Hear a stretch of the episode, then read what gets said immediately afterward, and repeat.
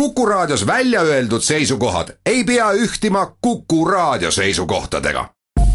Te kuulate Kuku Raadiot. tere jälle, täna on kolmapäev, seitsmes detsember ja eetris tagasivaade. minu nimi on Tõnis Eilait. nimetus Baltisse Gibraltar, Balti Gibraltar ilmus no tõenäoliselt esiti Saksa ajalehtedesse tuhande üheksasaja seitsmeteistkümnenda aasta oktoobris, kui tollase keisririigi armee vallutas Eesti saarestikku. kelle käes on sõrmepatareid, see valitseb Läänemerd, kirjutasid Saksa ajalehed. muist see Hansa-aegne võim Balti mere üle on meie käest tagasi. Nad selgitasid rahulolevalt, et saarte äravõtmine ei ole mitte väike võit, vaid midagi palju suuremat saartelt jääb vaid üks hüpe Tallinna ja sealt järgmine juba kogu Venemaa närvisüsteemi keskkohta Peterburi. veelgi tähtsam oli aga sakslaste meelest see, et Saaremaa alistamine tähendas mingit võitu ka Inglismaa üle, kes oli ju sõjas Saksamaa peavastane. Saksa ajakirjanike kinnitusel olid just Briti insenerid ja sõjaülemad andnud näpunäiteid, kuidas venelased end Eesti saartel peavad kindlustama. Määratu töö tehti ära et siia ühte oma ilmapoliitika toetuspunkti rajada. tsiteerib sakslasi Tallinnas tuhande üheksasaja kaheksateistkümnenda aasta jaanuaris ilmunud uus päevaleht. aga sakslased asusid palavikuliselt inglaste teostamata plaane ellu viima. Saksa teadlased osutasid ka, et Venemaa on ju kahelt poolt suletud, Mustalt merelt pääseb välja ainult siis, kui on tagatud Türgi heasoovlik suhtumine, Läänemerest väljumine on aga kergesti haaratav Saksa kontrolli alla ja nüüd, kui saarte Gibraltar on vallutatud, on võimalik ära lõigata ka meretee Rootsi. Saaremaa ja Hiiumaa langesid sakslaste saagiks kümne päeva jooksul, see on siis kaheteistkümnendast kahekümne teise oktoobrini tuhat üheksasada seitseteist. Saaremaal tuli neil mõni pauk teha, aga tuhanded venelased andsid lõpuks ainsagi lasuta alla viimased vaid mõni tund enne seda, kui Tallinnast saadetud transpordilaevad neid ära vedama tulid.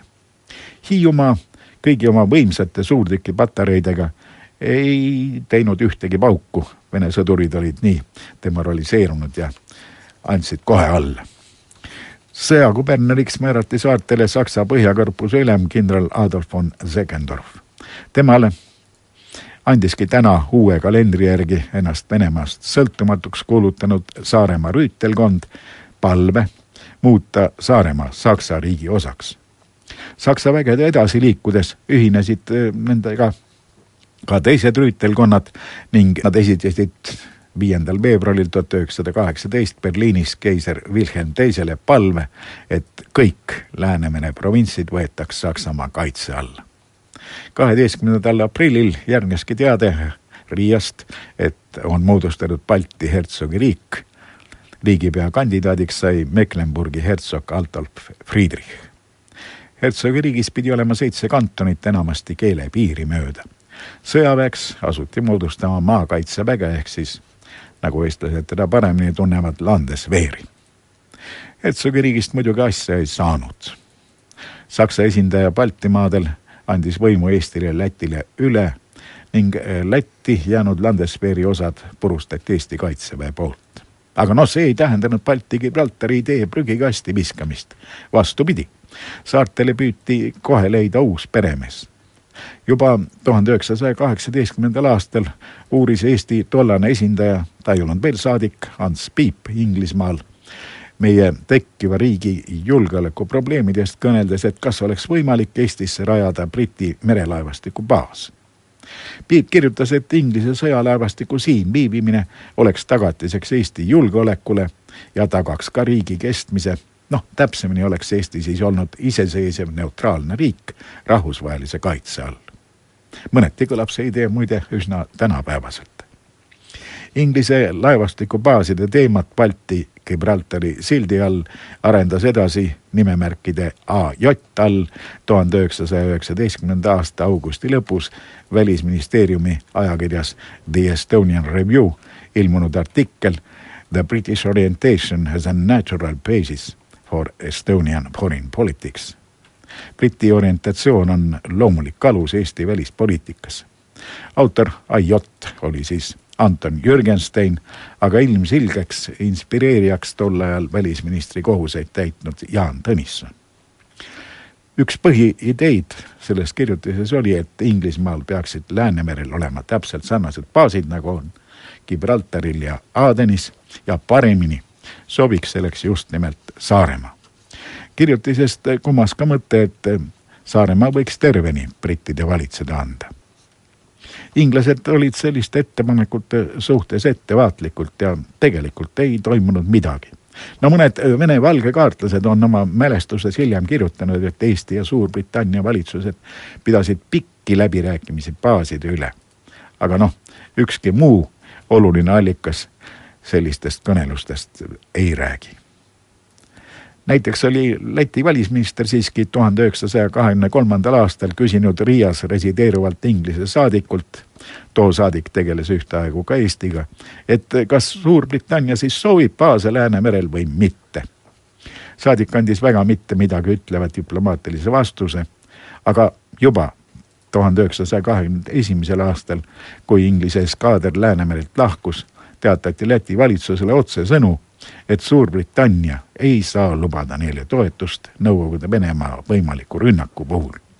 ja kahekümne kolmandal aastal oli Briti valitsus ametlikult otsustanud, et nad ei ole kohustatud seisma vastu Balti riikide taasühinemisele Venemaaga.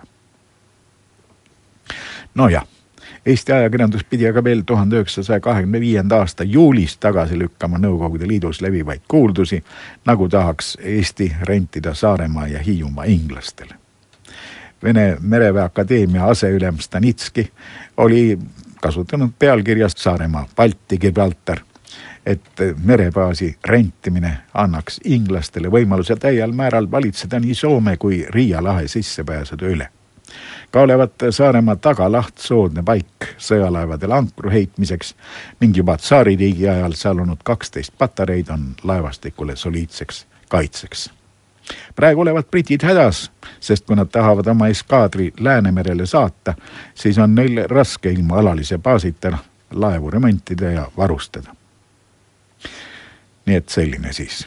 päevaleht muidugi märgib sõrendatult juurde, et otse võõrastav on Nõukogude spetsi arvamus, et Briti laevastiku viibimine Läänemeres on ähvardus ka Balti riikide iseseisvusele. ta märgib, et peaaegu kogu Saksa ajakirjandus millegipärast toob sarnaseid mõne kõmuteateid ära ja ka mõni Prantsuse ajaleht ei saa jätta Saaremaa ja Hiiumaa rentimisest kõnelemata.